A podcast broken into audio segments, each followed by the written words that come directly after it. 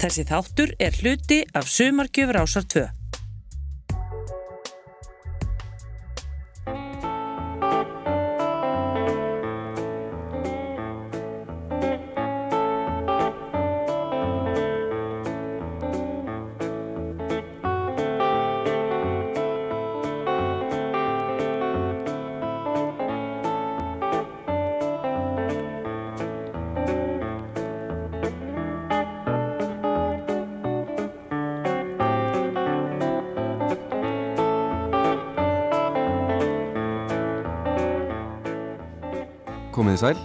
ég heiti Skúli Helgarsson og þetta er þriðji hluti þáttaraðar um nýfundnar hljóriðanir bílana fyrir breska útvarpið. Í dag heyrum við fleiri lög úr þáttónum Pop Go The Beatles sem voru á dagskrá breska útvarsins fyrir hluta ás 1963 en þar fluttu bílaðin jafnan fjölda laga sem aldrei komu fram á blötum þeirra. Í dag heyrum við tólkanir bílana á lögum úr smiðju þekktra rockara Elvis Presley, Buddy Holly og Carl Perkins En einnig verk sem þeir sóttu til Johnny Burnett Trio, Eddie Fontaine og leikonunar Ann Margaret. En það ágeta fólk hefur lít raskað ró útvarslustenda í þessu landi eða reyndar öðrum. Í bland heyrum við síðan lög sem hljóma kunnulega í eirum.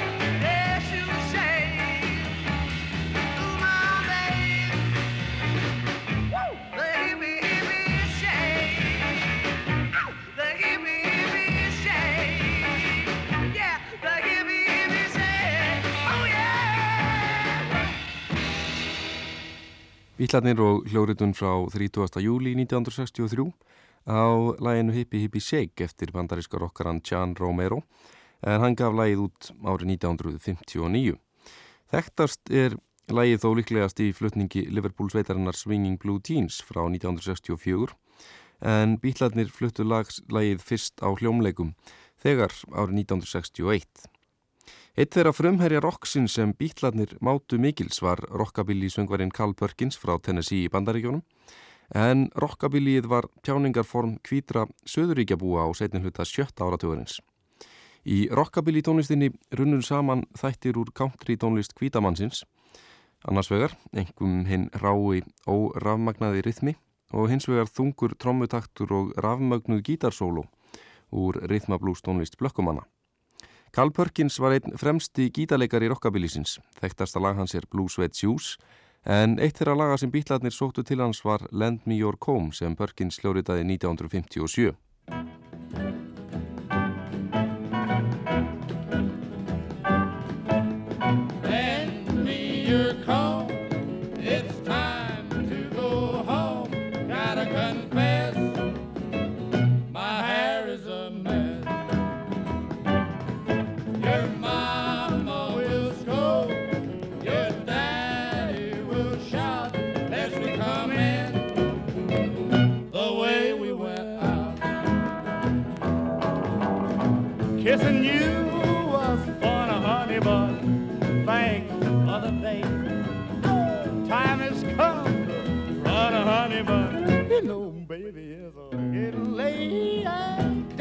Wait till I straighten my tie. Lend me your clothes.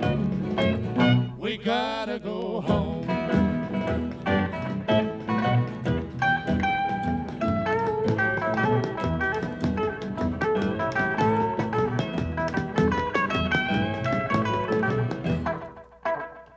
Lend Me Your Home eða Lánaðu mér greiðuna, ekki eitt af vinsaristu lögum Carl Perkins, en þó lag sem fór ekki fram hjá bítlónum sem lekuða gætnan í Hamburg í Þískalandi í upphafi síns ferils.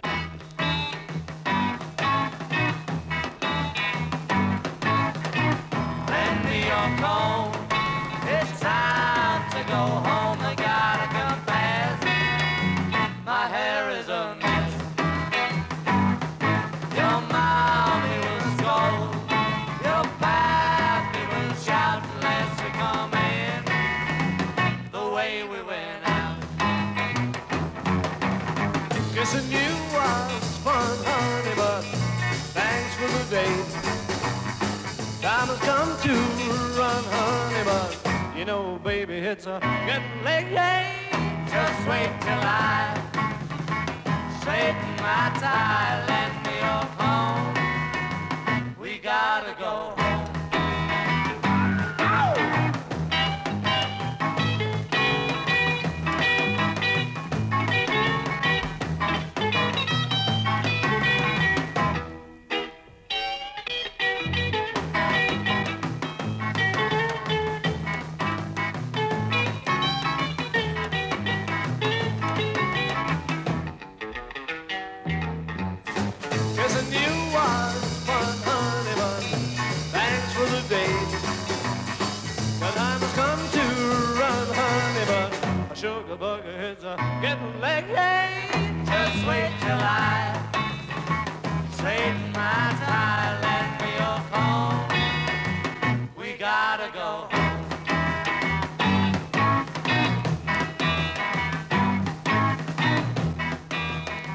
Bítlarnir og lag Carl Perkins Lend Me Your Comb og það voru John Lennon og Paul McCartney sem skiptu með sér söngnum í þessu lagi. Mörg þeirra laga sem Bítlarnir fenguð að láni hjá kollegum sínum voru lít þekkt, lög sem sáust aldrei á vinsaldaristum eða heyrðust á mannamótum. Eitt helsta tómstundar gaman fjórmenningana frá Liverpool var einmitt að leita í blödubúðum að verkum óþektra flítjenda, gerðnan úr bandariskum rithmablús eða finna lítþægt lög með vinsælum flytjendum sem gerna voru falin á óæðri endum tveggjalaga platna. Þessar lagasmíðar tóku bítlatin upp á sína arma og kynntu þar með í leiðinni þá listamenn sem hlut áttu að máli. Eitt þessara laga er illfáanlegt í dag og vakti litla aðtegli þegar það kom að marka árið 1956 í flutningi hljómsveitarinnar The Jodimars Það er ekki margir sem mun eftir þeirri hljómsveit í dag en hljóritun Bítlana frá 16. júli 1963 er einn þessara sögulegu gersema sem við fáum að heyra í fyrsta sinni í þessum þáttum. Paul McCartney syngur lægið Clarabella og John leikur á munnhörpu að aflókinni kynningu þar sem hlustandi nokkur og aðdáandi Bítlana hefur hnoðað saman vísu. It's from the form upper third at Hemel Hempstead. Yeah. It says, Dear George, John, Ringo, Paul, he's hoping that you'll please us all. Our beaty song and swinging voice, we'll leave it up to you, the choice. We think you're fab and really cool, so brighten up our lives at school. Dig this. It's from Chris, Denise, Heather, Sue. And it's also for Sue Richardson. So here's Paul whistling Clarabella. Well,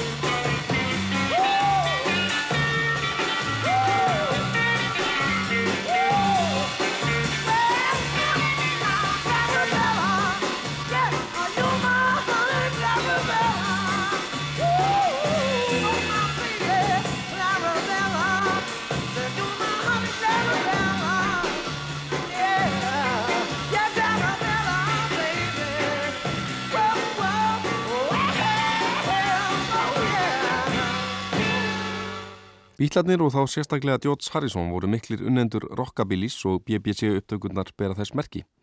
Einn hljóritun er til með bítlunum þar sem þeir flytja lag eftir Johnny Burnett, bandarískan söngvara frá Memphis, Tennessee, sem gekk í skóla með Elvis Presley og er einna þekktastur fyrir að hafa samið slagaran vinsala Your 16 sem meðal annars Ringo Starr gerði vinsælt árið 1973. Bítlarnir völdu hins vegar einu sinni sem oftar minna þekkt lag sem Burnett gaf út í mars 1957, Lonesome Tears in My Eyes.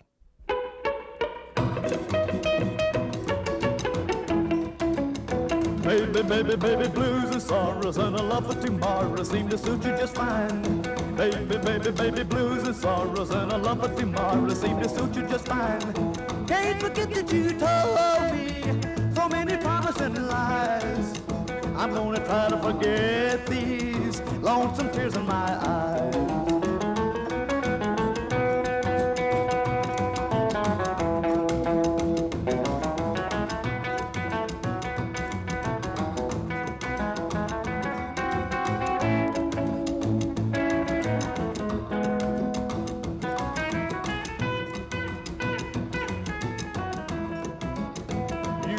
Broken my heart. On and do it again. Can't get rid of the spell you've got me in. Can't forget that you told me so many promises and lies. I'm gonna try to forget these lonesome tears in my eyes. Johnny Burnett og hans rock trio og frumunga á lagsins Lonesome Tears in My Eyes.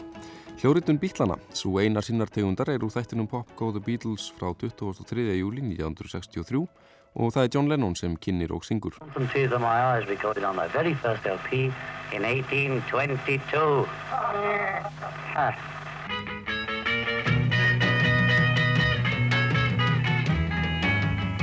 Well, baby, baby, baby, blues of sorrow, and I love you tomorrow, Baby, baby, baby, blues of sorrow, I love you tomorrow, just suit you just fine. I can't forget that you told me so many promising lies. Uh, I'm not trying to forget these lonesome tears in my eyes. You've broken my heart, gonna do it again. I can't forget the spell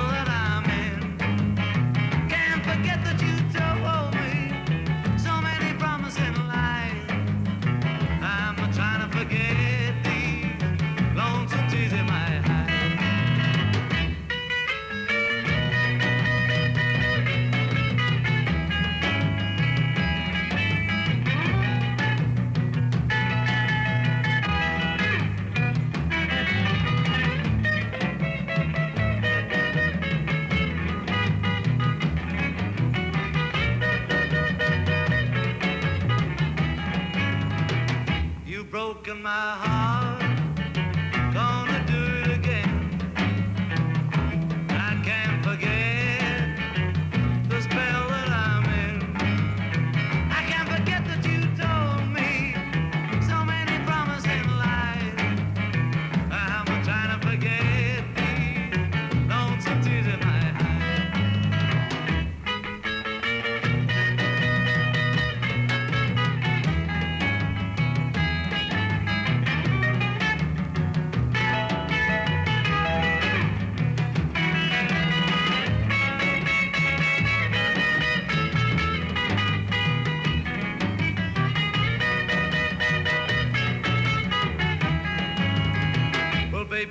baby, baby,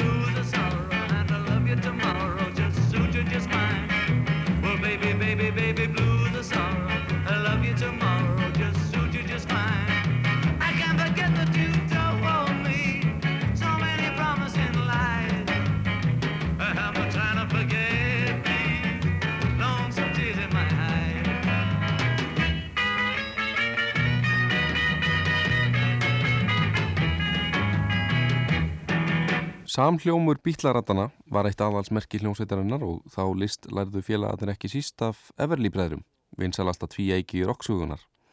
Það gemur því nokkuð á óvart að bítlarnir fluttu aðeins eitt lag Everly-bræðra í þáttum breska útasins og það lag sem sára sjaldan heyrist, So How Come No One Loves Me, lag sem bræðutin gaf út á blötu árið 1961. Paul McCartney hefur lengi talað um dálæti sitt á söngbræðrana en í tólkun bílana söng hins vegar George Harrison aðalrött. Well, it's called So How Come Nobody, brackets, Loves Me, brackets. Haha. They say that everyone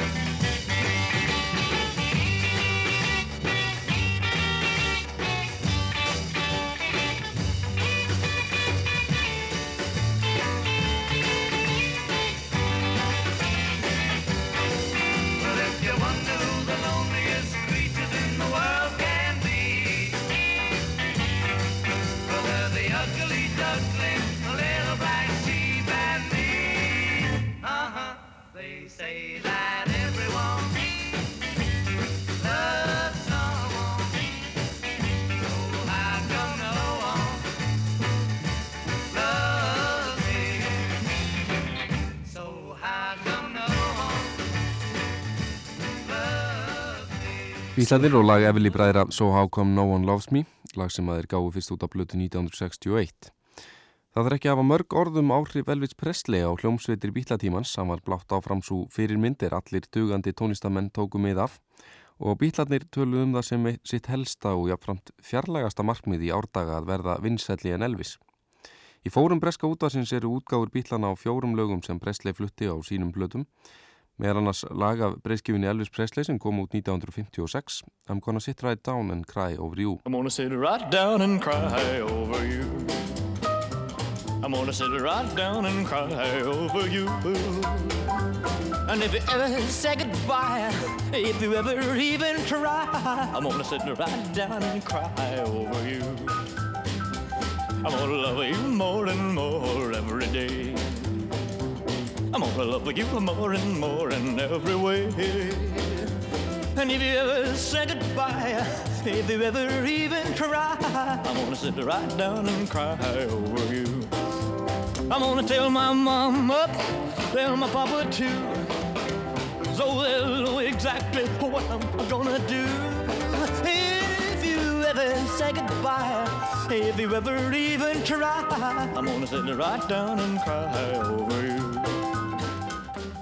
Elvis Presley og I'm gonna sit right down and cry over you lag sem aldrei kom út á smáskifu en þess má geta að Liverpool sveitin The Mercy Beats gaf þetta lag út á blötu 1964 Hljóritun Bítlana er frá árinu áður og það er Paul McCartney sem syngur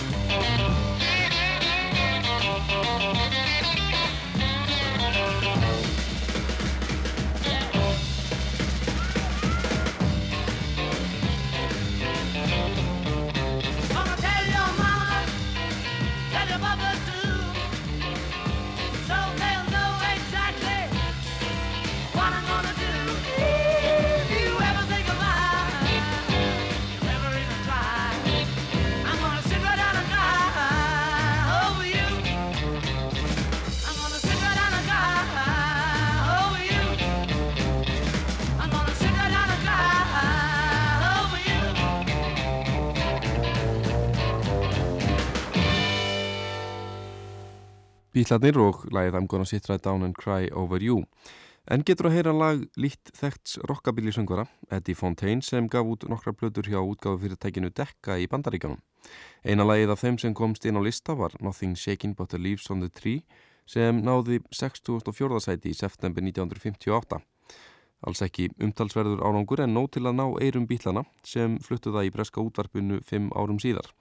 Á undan læginu heyru við eitt af þessum ótal kveðjubrefum sem bíladri fengu sendi í þættina Pop Go The Beatles og aldrei slíku vant er þar getið um stúlnahóp sem ekki hafði gaman að bílunum. And now back to reality and another couple of requests for the Beatles. And the first one says, Dear Whack, since we met the most popular boys in the hit parade, they are easily the winners. This is very carefully cut out of all kinds of various newspapers. And it goes on, we beg for that true Beatles sound, especially for us. Love, Pat and Annette, that's from Worcester.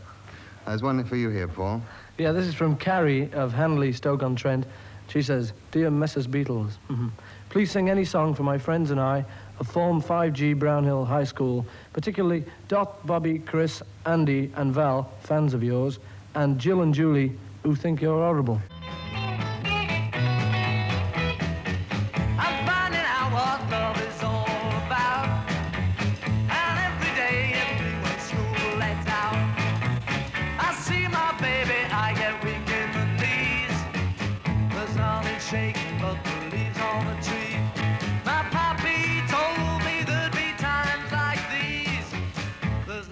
Shaking but the leaves on the trees.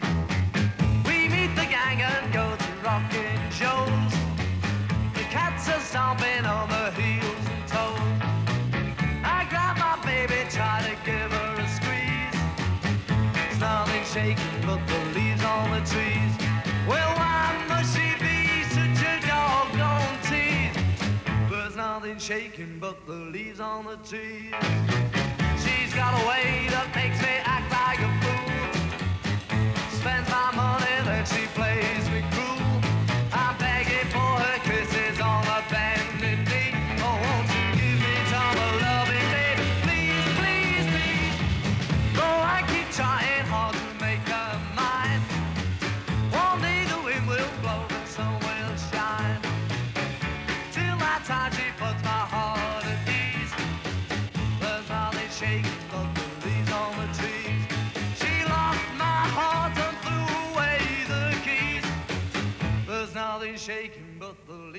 leaves on the trees. Yeah.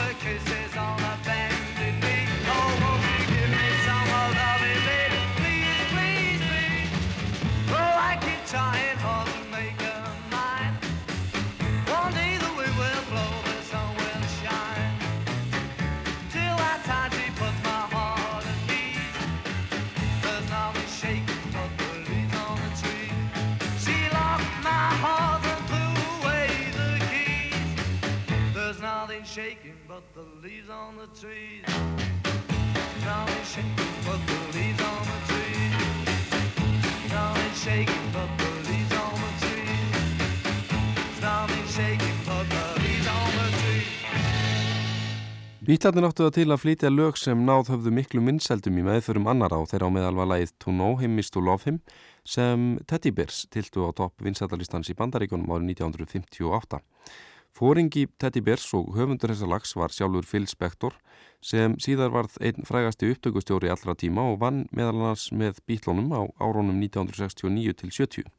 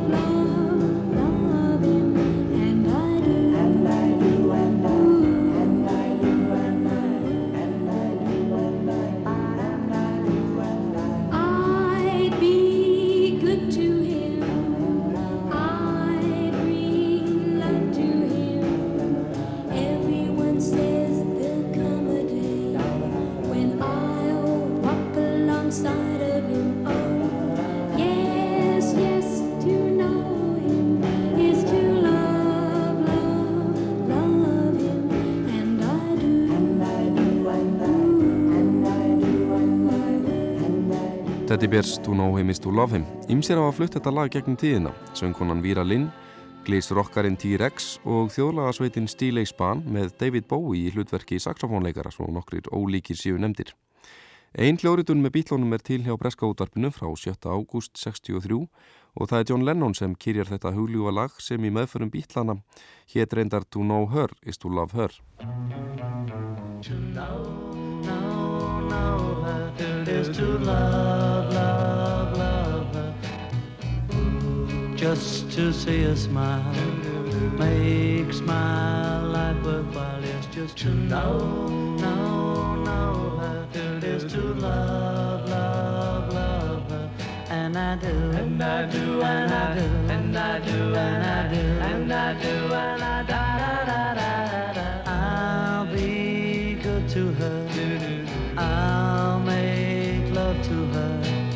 Everyone says there'll come a day I'll walk alongside of her. Yes, just to know, know,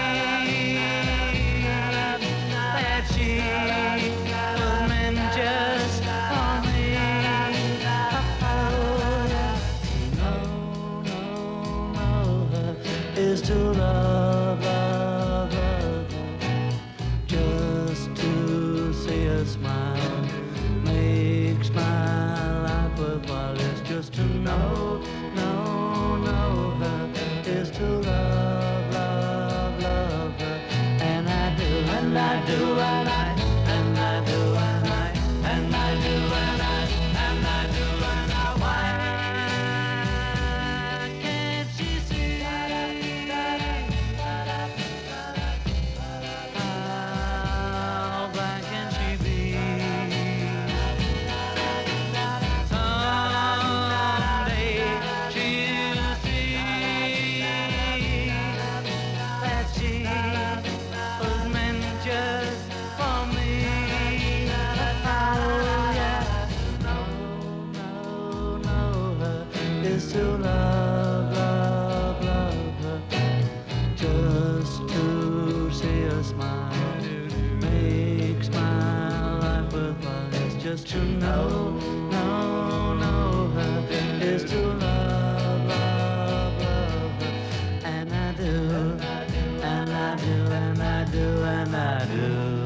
Bítlaðir með John Lennon fremstam, To Know Her Is To Love Her.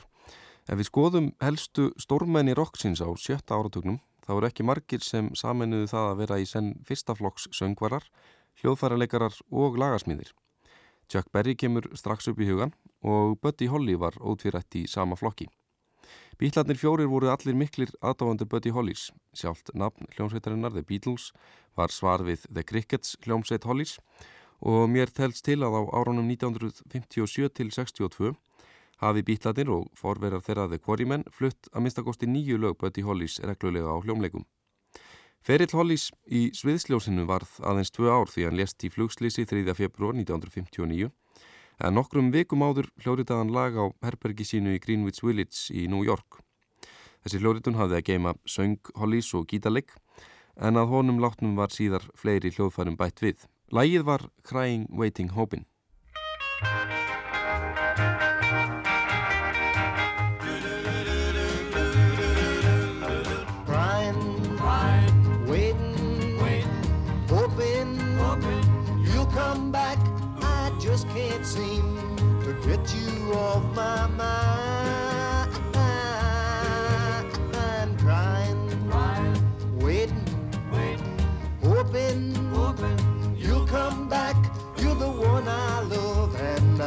About you all the time.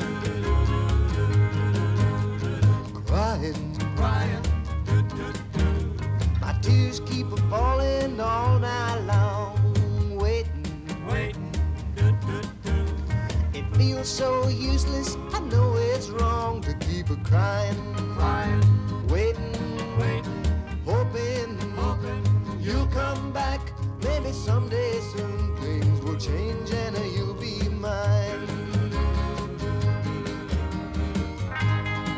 Crying Waiting Hopin, lag sem Buddy Holly gerir 1959. Þetta lag er eitt er að laga sem bítlarnir hljóriðuðu sem kynningu á hljómsveitinni fyrir útgáfi fyrirtæki Dekka og lagi var komið á efniskrá bítlana þegar á 1960. Það er George Harrison sem syngur í hljóriðun bítlana og spilar á gítar. Á undan heyrum við í kynni þáttarins þar sem hann fullveisar hlustendur um að öll aðsend kveðjubref séu ósvikin. What kind of I? All right, I know it's the wrong number, but I never get to sing around here. Okay, okay, I'll stick to the announcing bit, like, uh, like reading these two cards here. Uh, the first one says, uh, We do not believe all the requests are sent in by different people. We believe you write them. We believe you wrote this. Sheila and Susan from Edinburgh. Well, I can assure you that all the requests are as genuine as my Scots accent.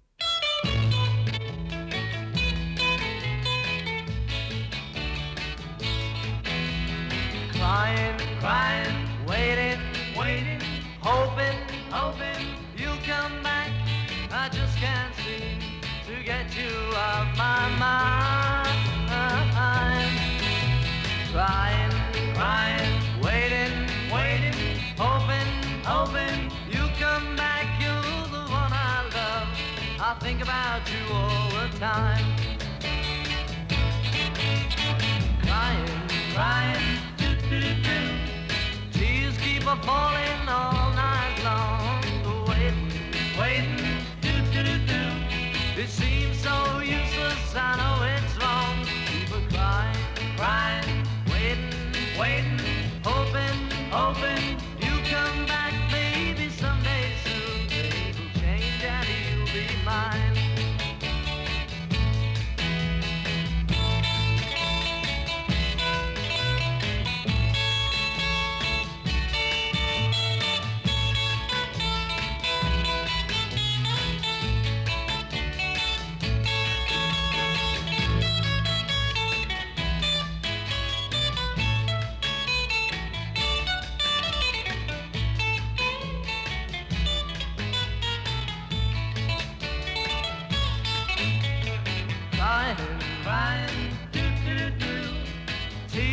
a falling all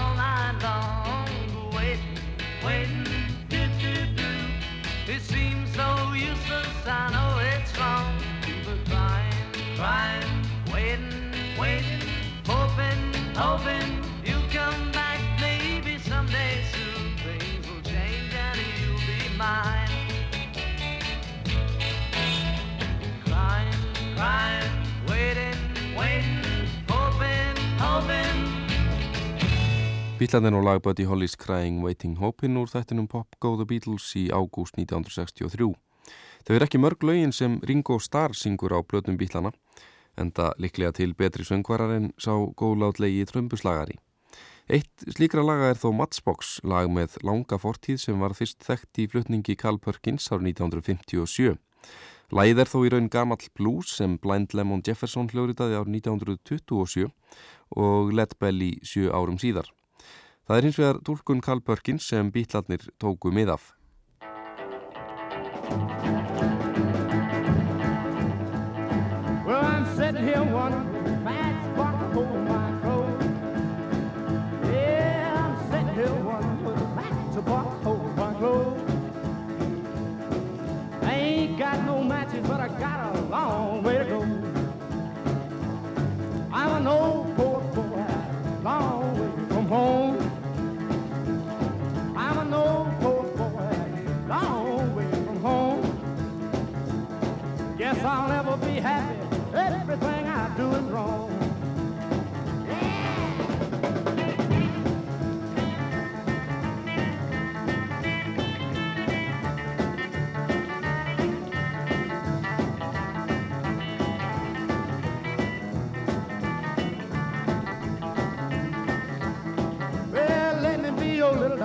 Till your big dog come.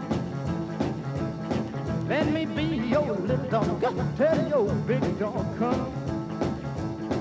When the big dog gets here, show him what this little puppy done.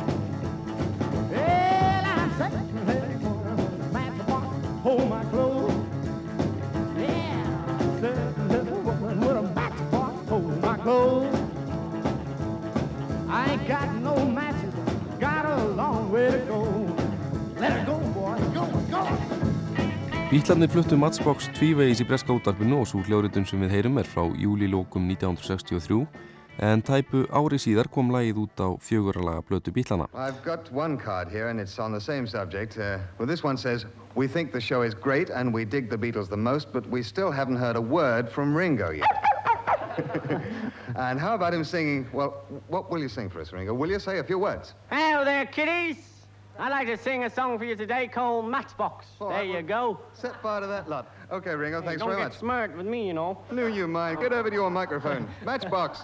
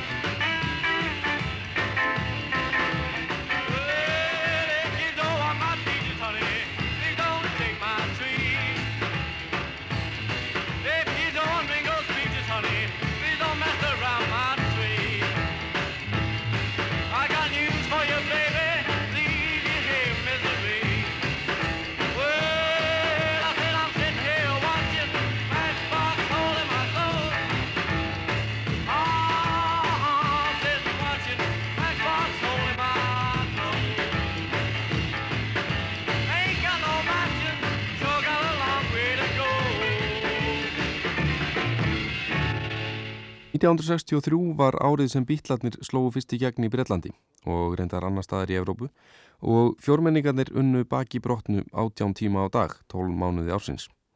Hljómleikar, plötu upptökur, útvarps upptökur, ljósmyndatökur, sjónvars upptökur, blaðaviðtöl, krýningar fegurðardrottninga, dómarasæti í þáttum um nýjar plötur, allstaðar voru Bítlarnir.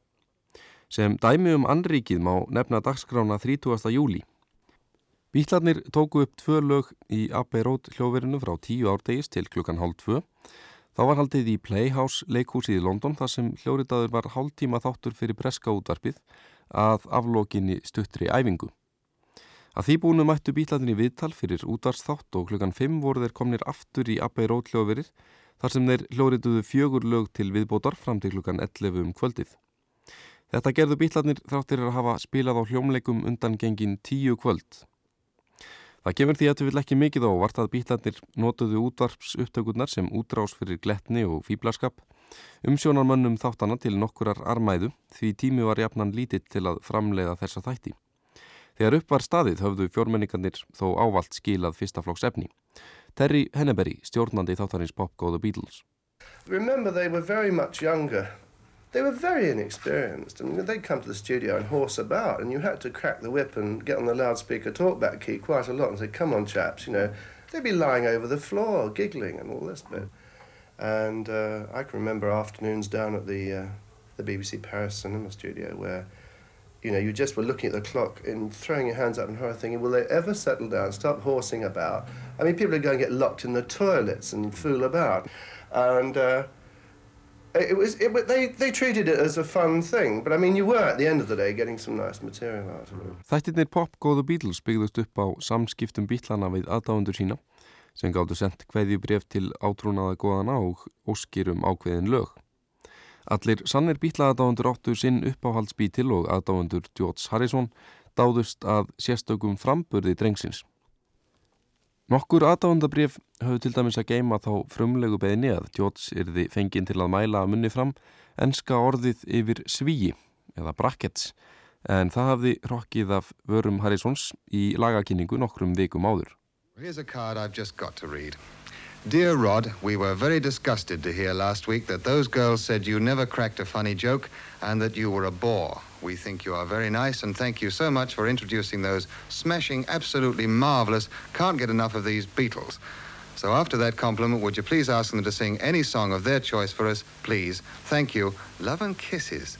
Cool. Lorraine, Kay, and Linda of Birmingham. Well, how can you refuse? We've had hundreds of cards asking George to say brackets. I don't know why. He said it some weeks ago, and we've never heard the end of it. George, get us out of this. Brackets, brackets, brackets, brackets, brackets.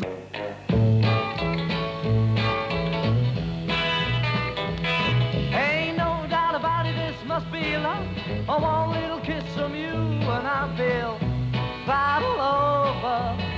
Ooh, baby, I don't get it silly, but I'm right over. Get a goose pimples, baby, cause I feel so good when you cuddle me like you do, and I feel all over. Ooh, mercy, I'm a rock on pappy, and I'm happy, and I'm right all over. Your touch goes through me like electric wire. I never thought to make love. It don't take much looking to see what I got, but it shows. It shows. Come on, honey, boy, give me one more time. Every time you do, well, I feel all over. Ooh, baby, I don't get it silly, but I'm right all over.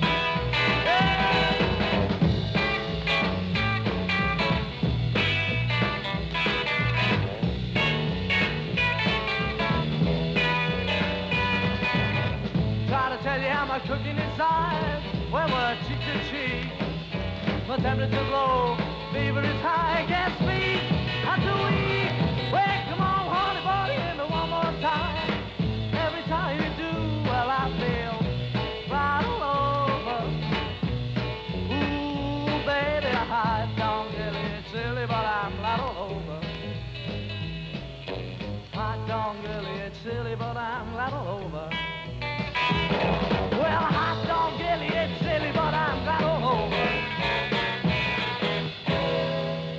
Glad All Over, rockabilly lag úr smiðju Carl Perkins sem gaf það út 1957 en Searchers og Jeff Beck Group fluttu þetta lag síðar. Skyndilegar vinsældir bítlana ár 1963 verkuðu sem vitaminsbrauta á tónlistarlíf Liverpool borgar og útsendarar voldugustu blötu útgefenda streymdu til borgarinnar með samningseiðublöð og gillibóð í farteski. Hallar í spærin Liverpool, norður í landi, varð gósenland popsins í hugum hinna háu Lundúna herra. Hljómsveitir frá Liverpool hófu innreið á enska vinsætalistan og flestar áttu þessar sveitir það sammert að hafa risið upp undir handarjæðri Brian Epstein, umbóðsmann spýtlana. Jerry and the Pacemakers, Billy J. Kramer and the Dakotas, Silla Black, Searchers, Swinging Blue Jeans og fleiri fetuðu slóðbítlana og nutur reyndar góðs af hæfileikum Lennons og McCartney sem voru duglegir að ljá sveitungum sínum perlur úr sínu lagasafni. Billy J. Kramer and the Dakotas fengu til umróða og gerðu vinsæl fjögurlög Lennons og McCartney þar af þrjú sem bítlarnir hljóðrituðu aldrei sjálfur. Fjórðarlægið varð vinsælt í april 1963, Do You Want to Know a Secret? You'll never know how much I really love you. You'll never know how much I really care. Listen, do you want to know a secret? Do you promise not to tell?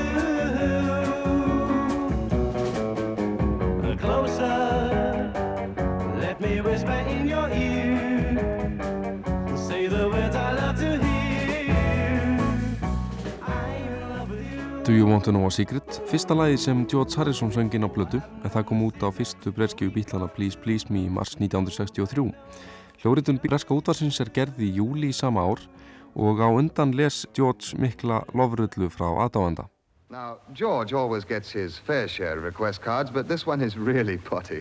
Would you read it out, George? It says, Do you like the flower pot men? I think you are even nicer than Ben, but I hate Bill because he squeaks. I bet if you sang Do You Want to Know a Secret, his flower pot would pop and he would be killed. Oh. And Oh, nice. here's another one. As we are faithful fans of the Beatles and listen to this program, how about asking them to sing a song for us? So drag old George, will you just heard him, to the mic, as we think he is the most marvelous thing since boys were discovered, and ask him to sing any song for Diane and Jenny of Bedford. So how about it, gorgeous? You'll never know how much I really You'll never know how much I really care. Listen, do you want to know a secret?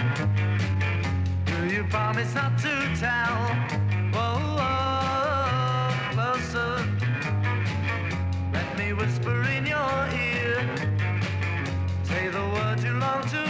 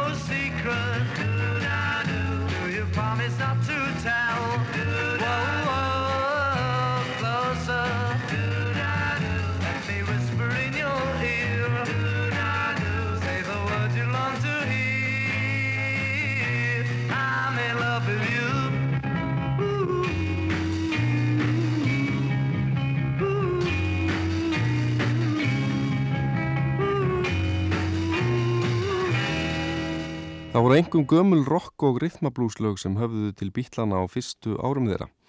En auk þess tóku þeir ástfóstri við ímsar undarlegar lagasmíðar sem eiga lítið skilt við rock. Einn þeirra er hugarfóstur gríska tónskáldsins Mikis Theodorakis og titilag kvikmyndarinnar Honeymoon frá 1959. Það var eins og að hljóritun Ítalans Marino Marini og hljómsveitar hans sem barst til eirna Paul McCartneys og hann söng það gerðan á hljómleikum bítlana 1961 og 62 og síðan fyrir breska útarpið 7. ágúst 63. Síðar stjórnaði McCartney upptökum þegar skjólstaðingur hans söngkunan Mary Hopkin söng lægiðinn á plötu árið 1969.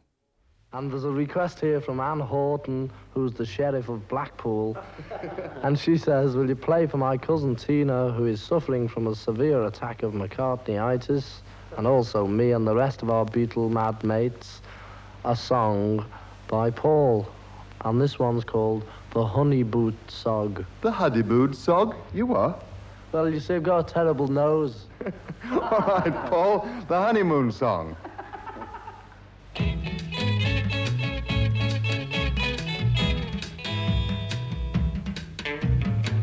I never knew that a day like today lay before us.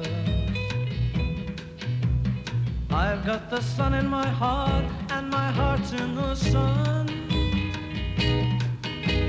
Skies are as bright as your eyes, the horizon is open. Love is the ceiling, feelings are reeling,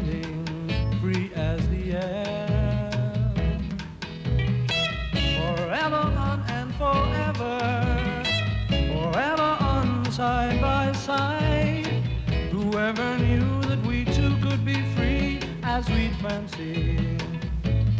Fancy is free, but are we who are bound to each other by love, to each other by love.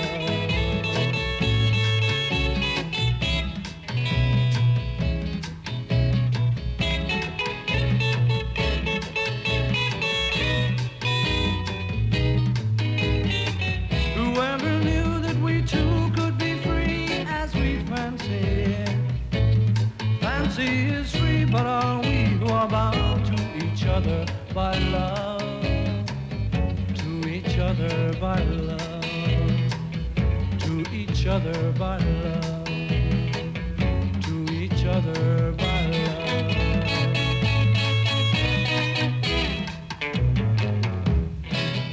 með Eurovision endi og allt saman. Þetta var The Honeymoon Song hljóritun bítlana frá ágúst 63. Árið 1961 gaf sænska leikonan og kynbomban Ann Margaret út lagablödu sem nefndist I Just Don't Understand. Þetta lag var miðlungi vinsælt í bandaríkjónum en er löngu ófáanlegt en það svo sem engin tímamóta listamæður á ferðað flestra áliti. En þetta rólega lag í valstakti höfðaði til bítlana og þeir festu það á band hjá Breska útarpinu 20. ágúst 63. John Lennon söng.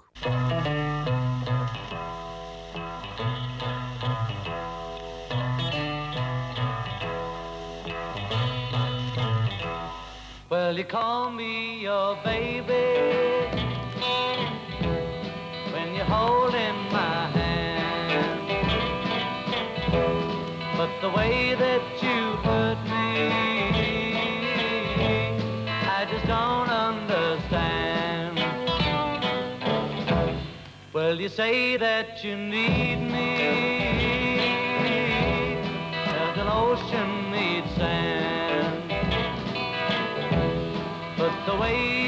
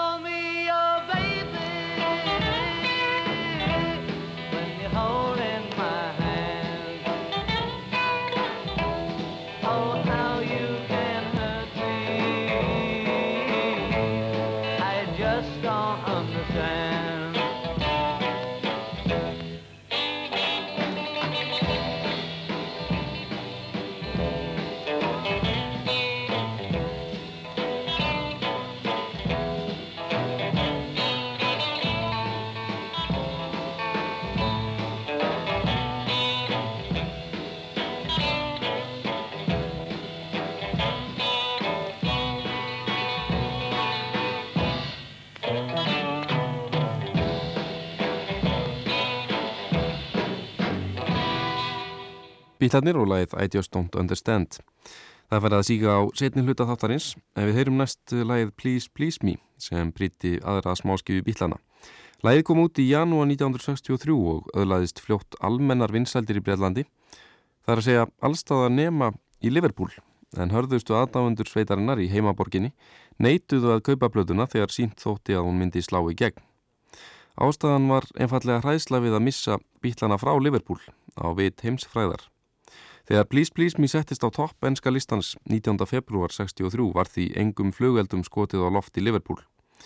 Frettinnar um fyrsta topplagbítlana bárust frá London í Cavern klúpin í Liverpool þar sem bítlarnir háttu að halda tónleika en tilkynningunni var tekið með ískaldri þögnaf áhórundum. Please Please Me er síðasta lægið í dag en í næsta þætti heyrum við fleiri gullkorn úr fórum breska útvarsins.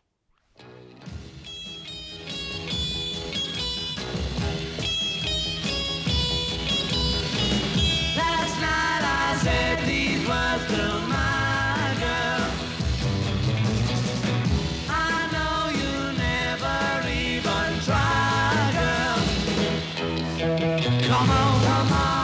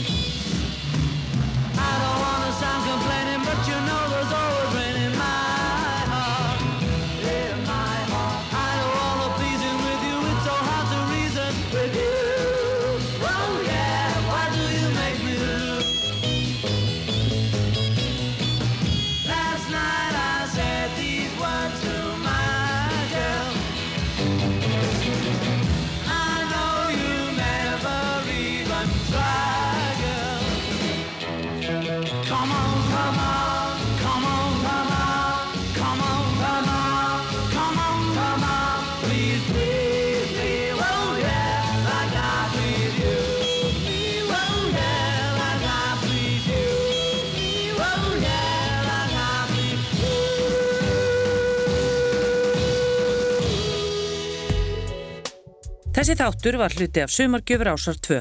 Þú getur nálgast fleiri þætti úr safnir ásar 2 í spilaranum á rúf.is, í rúf appinu fyrir snjaltæki og öllum helstu hlaðvarp sveitum.